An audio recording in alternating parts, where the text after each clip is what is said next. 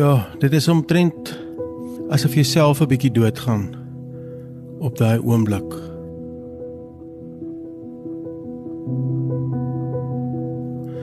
Ek onthou my asemhaling wat korter geword het. My hele liggaam het van van sweet uitgeslaan. Dit was nie warm nie, dit was in Oktober maand.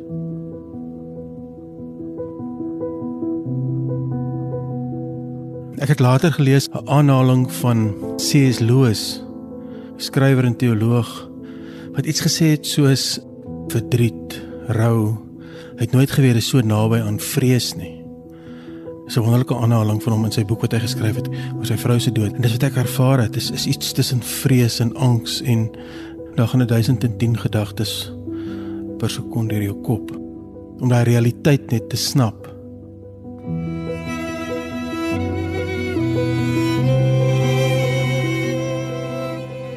Dit was 'n oproep op 'n Woensdag aand, skuins na 9, wat die skrywer Dana Snyman se lewe vir altyd verander het. Dit was sy verjaarsdag, 4 Oktober 2017, en hy het dit alleen by sy huis op Jacobsbaai gevier. Hy ken die lewe se seer en as skrywer skram hy nie daarvan weg nie maar die nuus dat sy hartsmens, Anet Roberts, vroeër die dag haar eie lewe by haar huis in Bloemfontein geneem het, het hom stom en stil gemaak. Dit is amper 'n bietjie op tyd gaan stil staan. Ek sien ou met 'n groot vriendekring en en so laat daar dadelik weet klomp mense by my huis opgedaag het met troostwoorde en so nie. Na twee mislukte huwelike het Anet lig in Dana se lewe gebring. Hulle het mekaar 5 maande geken toe Dana Anet in Junie daardie jaar om haar hand vra. Hy het op sy Facebookblad geskerts: "Dis 'n patetiese, wonderlike, skrikwekkende, dankbare ding om in jou middeljare verlief te raak." Hulle sou op 10 Desember trou, net 2 maande nadat Anet haar eie lewe neem. Ek onthou daai aand taamlik duidelik. Daar's veel teenoorgestelde emosies wat ek ervaar. Want ek onthou dit duidelik, maar ek onthou dit ook nie. By my in die huis is Magrita Andrew, 'n vrou wat in my boonste vertrek gewoon het op daai stadium. En sy het ook vir Anet geken. Ek dink ek het vir haar geskree op boontoe sy moet afkom. En toe ek en Magriet was sy die res van die aand by my. Ek weet ek het met Anet se dogter gepraat, sy het gebel en ek het 'n vriend gebel, Carlo Novella, wat ook van net geken het en Carlo het ook gekom. En toe was dit net stil en ons almal het net so stil gesit by my eetkamertafel. En later is Carlo weg. Ek het op my bed gaan lê en Magriet het op 'n stoel daar gesit. Op my bedkassie het my Bybel gelê. En ek onthou ek het so gelê en vir die Bybel gekyk en vir Magriet gesê, "Wie? Ek kan nie in een vers in hierdie hele Bybel dink wat ek nou kan lees wat my laat beter sal voel oor die lewe nie.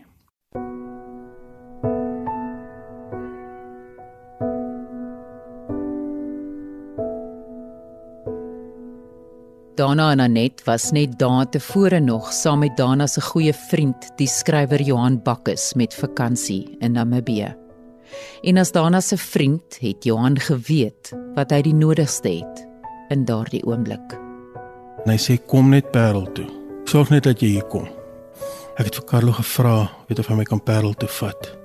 En ek het vir Magriet gegroet en ek het die honde gegroet want ek het geweet ek sal moet nou na Bakkes toe gaan en daarvan af sal ek met in Bloemfontein kom vir Anet se begrafnis. Ek was nie in daai stadium in staat om self motor te bestuur nie.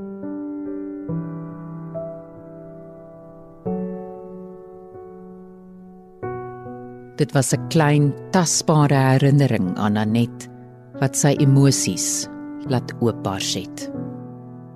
Ek onthou ek die oggend voor Karla my kom haal het om na Bakkes toe te gaan, het ek gou gestort en ek wou skeer en op my wasbak het 'n botteltjie naskeerroom gestaan of eintlik die room wat jy in jou vel smeer. Toe ek die botteltjie vat, toe begin ek huil sonder dat ek half dit kan verklaar. En toe besef ek Anet het daai bottel vir my gekoop by Woolies in in Bloemfontein omtrent 'n week tevore. Elke ding begin jou herinner aan haar.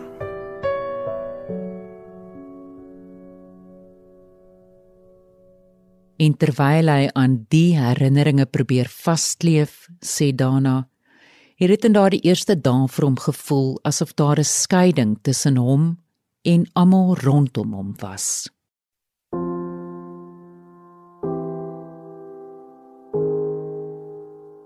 Dis ek saam met Carlo en Henry aan 'n ou daar van die dorp, uh, met hulle twee mense gevat Parel toe. En ek kon ons het deur Mamasbury se strate gery. En dit is of 'n uh, deursigtige gordyn tussen my en die wêreld ingeskuif het en die mense wat op die sypaadjies loop en by die kitsbank staan en geld trek. Ek dink dit is die verskrikking wat dit meebring dat jy voel vervreemd van die wêreld op 'n manier. Ja, ek onthou dis die woorde wat deur my kop gegaan het toe ons deur Mamas by die ry. Hulle gaan aan met hulle ding, hulle gaan werk toe hulle trek geld, hulle stap by die spar in. En vir my is dit absoluut onbelangrik op daai stadium. Al wat jy hier binne het, weer dis hy gevoel van verwildering wat jy het.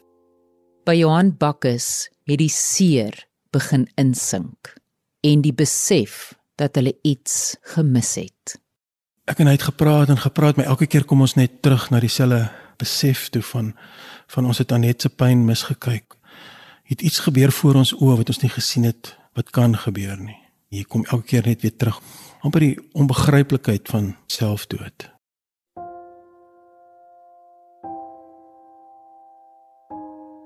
Ek is nie die enigste een wat hartseer was oor Anet nie. Maar kinders, nog meer dalk as ek wat nader aan haar was, haar drie kinders. Het dit vir jou in daai dae en maande wat daarna gevolg het daarna, het dit vir jou gevoel of jy moes sin maak uit iets wat glad nie vir jou sin gemaak het nie? Ja, dis 'n moeilike ding. Ek het nooit op 'n punt gekom wat ek kwaad was vir God en kwaad was vir die lewe, miskien daai punt dat ek heeltemal gewanhoop het nie. Ek het geweet dis 'n verskriklike ding wat gebeur het. My foon het verskriklik baie gelei en een van die oproepe wat ek geneem het is professor Lizet Rabe wat gebel het wat onder meer die Temba stigting begin het nadat haar seun sy eie lewe geneem het. En na ek met met Lizet gepraat het, het my wêreld al bietjie meer heel geraak want sy het gepraat oor dat depressie kan 'n terminale siekte wees en jy gaan dood aan selfdood jy gaan letterlik dood aan selfdood. Ehm um, dis 'n kanker van die gees. Op daai stadium sê jy nie weet ek hou nou ophou nie en Anet was net terminaal siek. Dit is nie so so eenvoudig nie.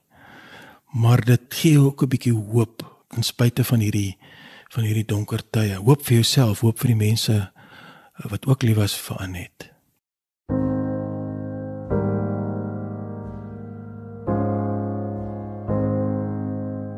Vyf dae na Anet se dood word sy in Bloemfontein begrawe. Daarna steeds in die Parel by Johan Bakkes en emosioneel nie in staat om self die lang pad aan te durf nie. Op Facebook vra hy vir 'n saamry geleentheid en 'n vrou wie se onderneming motors van die Kaap na Johannesburg vervoer, bied aan dat daarna saam met een van hulle bestuurders kan ry.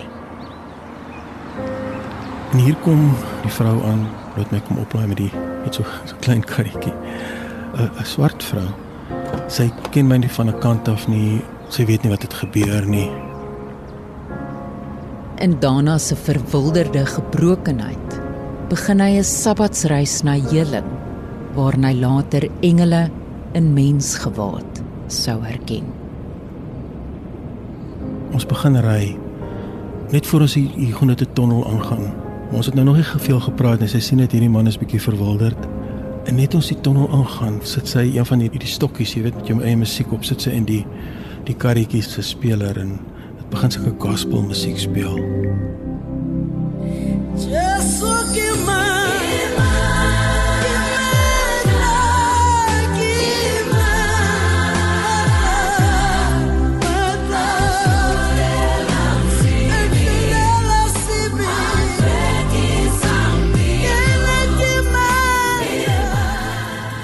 half amper vererg op 'n manier want ek het nou gesê ek nie heeltemal hoop verloor of my geloof verloor of twyfel in die bestaan van God nie, maar ek was deksels naby. Toe ek hierdie gospelmusiek hoor, is ek half nie lus daarvoor nie, want ek ek is nie lus vir 'n happy clappy wat nou vir my gaan bid voor Touwsrivier nie, jy weet. Ek wil nou net rou. Luister jy hierdie gospelmusiek? Rebecca Malope. Al woord wat ek erken is Jesus. Met die tyd begin ek met hierdie vrou praat wat my vat. Nou so rukkie te besef ek dit is nou eintlik nog 'n engel naas Carlo en Magrita en Bakkus, nog 'n engel in my lewe om my te begelei, maar 'n menslike engel.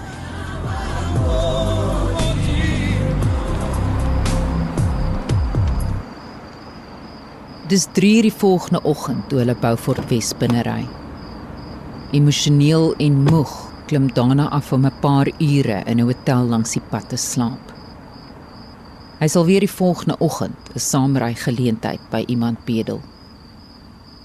Maar intussen het die skuldgevoel oor Anet se selfdood aan hom begin knaag.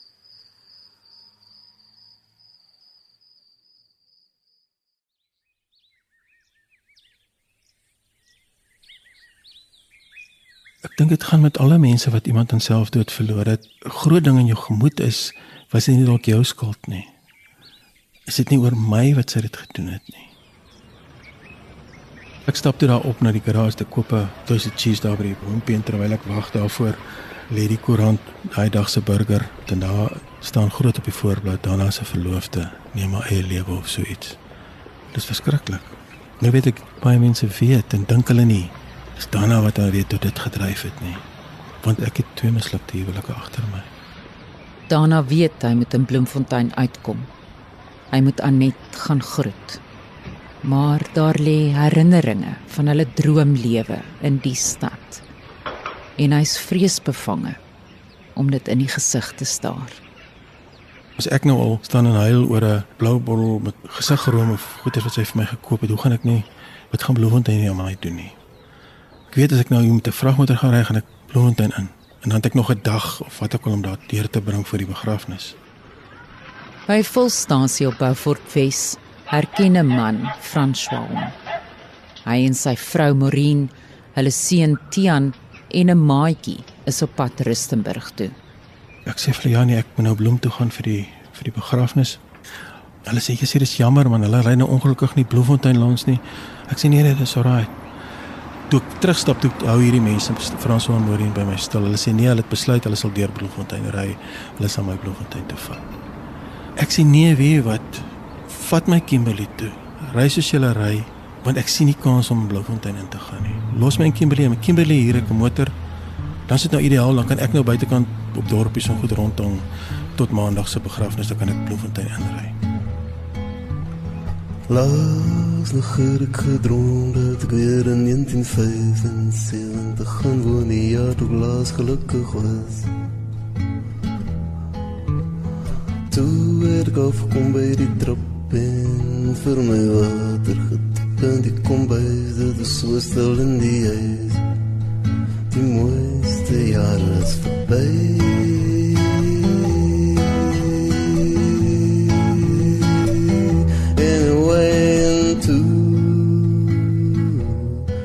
Mense rou op verskillende maniere. Verwerk trauma op verskillende maniere. Vir Dana was deel van die beginpunt van sy rouproses op hierdie pad na emosionele genesing om sy innerlike verwoesting te verwoord aan mensengele wat onverwags op sy pad gekom het. Ek huil en vertel alles en gaan deur al die goeters weer van die laaste keer wat ek met Anet gepraat het. Want ek het baie baie kort voor sy weg is met haar gepraat, baie baie kort. Ek praat van minute sonder dat ek geweet het wat sy gaan doen of wat sy besig is om te doen. En ek het die vorige nag lank met haar gepraat. Sy was gekweld op daai stadium, maar ek het nie gedink ek het nie die diepte van haar gekweldheid besef nie en al die redes en, en, en weet al die goed wat daarmee gepaard gaan nie heeltyd gaan hier goed oor en oor in jou kop en hier vertel ek dit vir hierdie wildvreemde mense en ek sit in chunk in hulle kar en hulle koop vir my vleisbestuitjies op Britstown en Coke Zero's. Die oggend voordat hy in Beaufort Wes vertrek, lees daarna Romeine 8 vers 26. Die Gees staan ons ook in ons swakheid by. Ons weet nie wat en hoe ons behoort te bid nie. Maar die Gees self pleit vir ons met versigtings wat nie met woorde gesê kan word nie. Dis hierdie woorde wat hom bybly. Want vereers maak sy eie woorde nie meer sin nie. Soveel verskillende storielyne amper loop gelyktydig binne in jou. Sê die een is is jou doeteenvoudige hartseer en verskrikking oor Anet se dood. Die ander een is was nie dit dalk my skuld nie. Die ander een is waarom laat God so iets toe? Die ander een is nou ek wil nie Bloemfontein toe gaan nie. Ek wil nie daar ingaan nie. Ek weet wat al die hartseer wat ek gaan kry daar. Herinneringe aan goed wat gaan terugkom. En voor hulle my aflaai weer, ons is nou so naby die lughawe in Kimberley. Ek wil die mense nog om my lewe bedank. En ek tik François in en ek vra hom nou, "Wat is julle van François?" want ek nou sy nommer daar. "Wat is julle van?" Hy sê Roberts. En ek word heeltemal koud, want Anet se van was Roberts. Toeval? Natuurlik seker toeval. Maar ook iets wat jou ehm um, laat wonder, hier was nou nog engele op jou pad. Jy kan nie help om so daaraan te dink nie.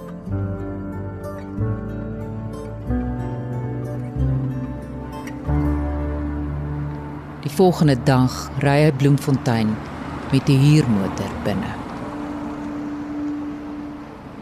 Daarna het hierdie reis wat jy onderneem het van die Parel totdat jy in Bloemfontein aangekom het, het dit vir jou soos 'n soort van 'n 'n sabbatsreis geword op die beginpad van hierdie rou proses. Ja, ek het altyd net een boek saamgevat, die digter T.S. Eliot se versamelde gedigte. En hy het mos hierdie wonderlike vers wat baie aangehaal word.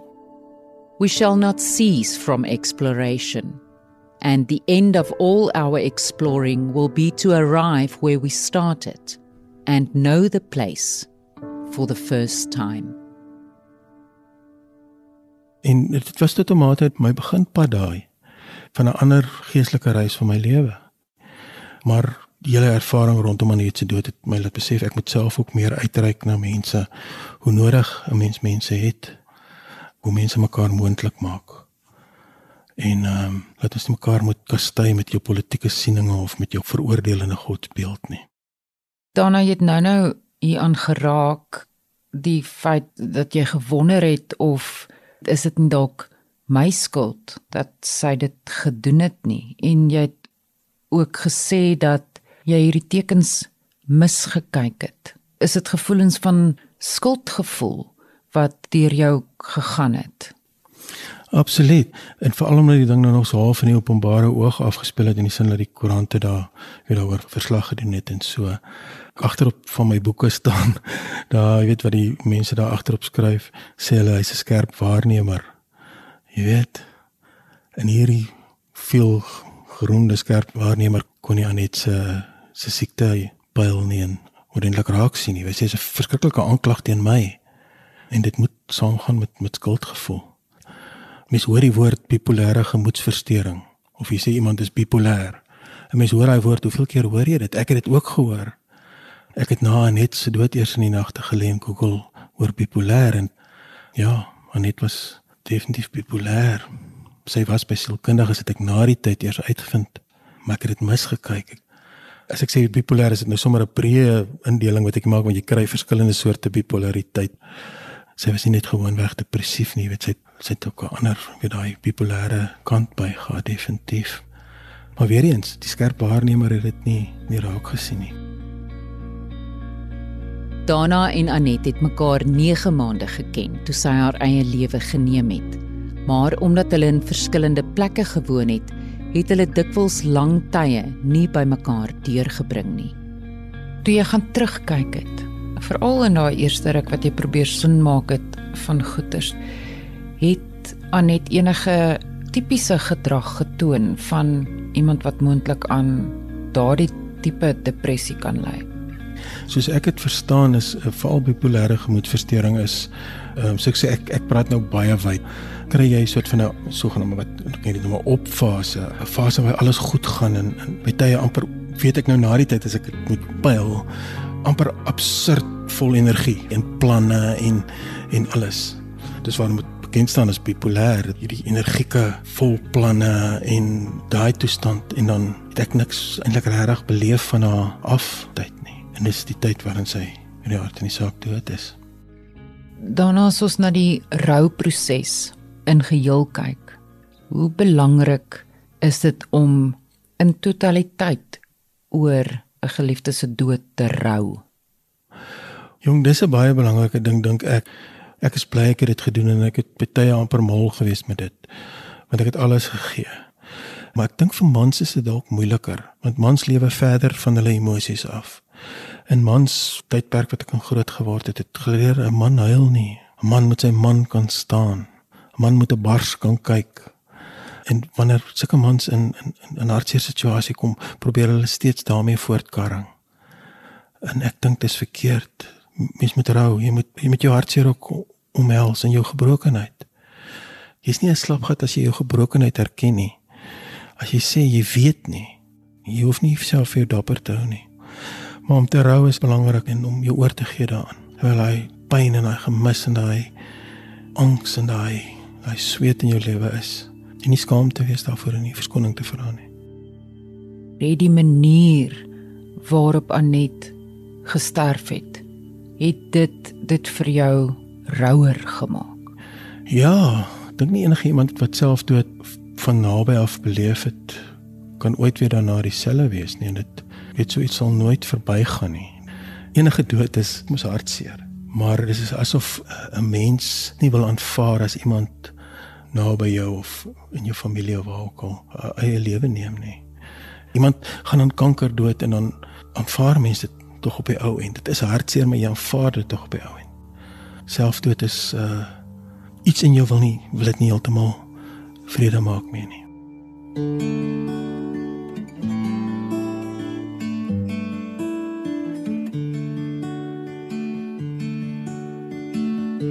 gee so baie.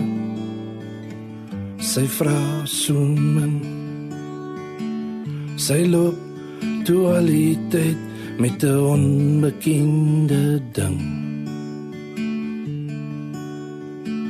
Daarin het gekom. Sy het weggegaan. Hoe sal ons hierdie dinge ooit kan verstaan? Op 'n manier moes Dana Anet laat gaan. Hy kon vrede vind in die gedagte dat sy nie meer seer het nie. 'n Blaar wat val. 'n Dak wat skeer.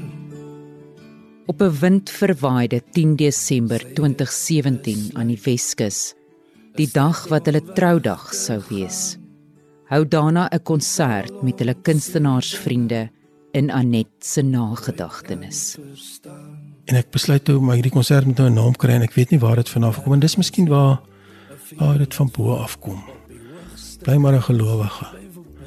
Ek het net besef ek moet dit noem die swart hond konsert. Van swart hond is mos nou die simbool universeel om ter van depressie. Johan Bakkes lei die aand se verrigtinge. Nou ek moet sê hierdie is maklik een van die moeilikste seremonierolle wat ek tot nou toe moes speel. As die lewe volgens plan geloop het, sou ons vanaand al hier 'n vrolike huweliksbevestiging gehad het.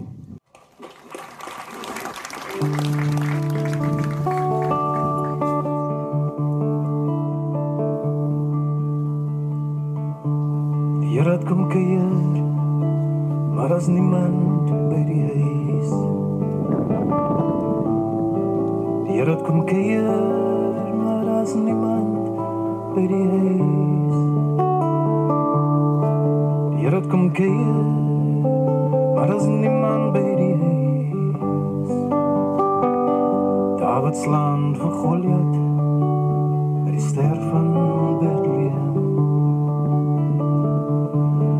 O, is veilig in die Here.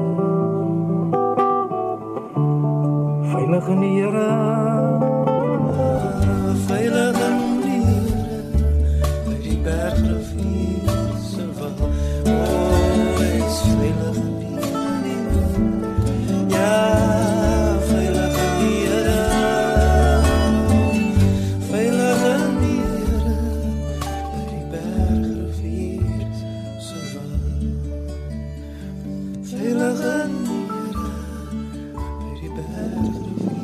Kyk aan net.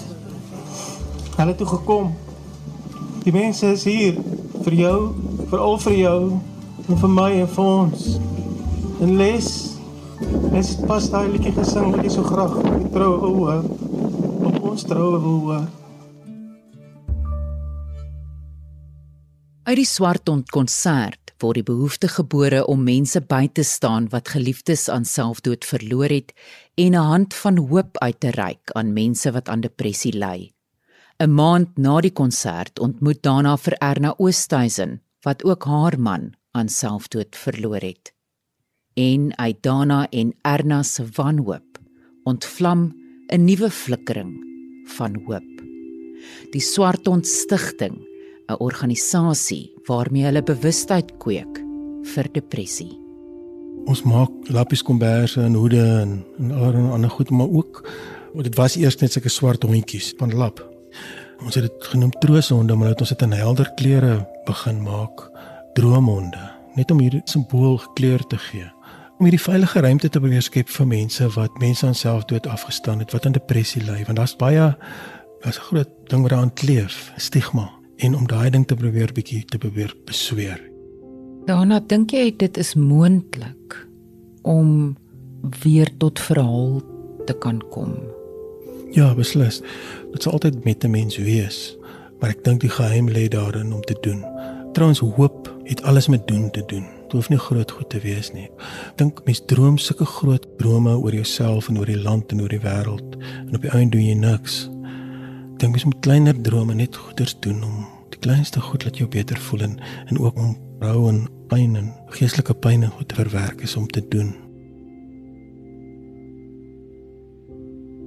Die lewe is is baie kort en is ook 'n klise al, né? Nou ouer jy word, meer sê jy dit. Ek sê dit seker ten minste een keer 'n dag. Die lewe is kort en kosbaar, maar om regtig dit te begin probeer leef en al maniere hoe jy dit sinvol kan doen is is om te probeer lief hê jouself wat ook baie keer baie moeilik is, maar ook die mense rondom jou.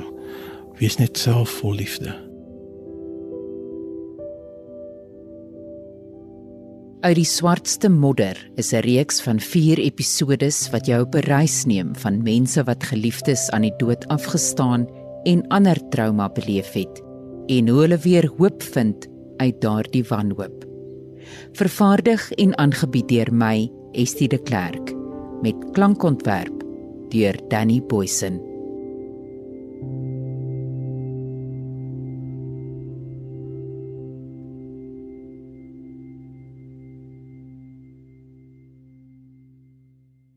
in volgende week se episode van uit die swartste modder. Die vraag was baie daar hoekom dit met my gebeur het. Wat het my so anders gemaak dat ek nie ouers gehad het nie? Hoekom moes ek 'n kind aan die dood afgestaan het? Aris Gee se voormalige geleentheidskoördineerder, Muriel Jansen van Rensburg, maak reeds vroeg in haar lewe kennis met die dood. Vir jare lank daarna gooi die lewe haar rond in sy maalkolke, maar sy staan elke keer weer op.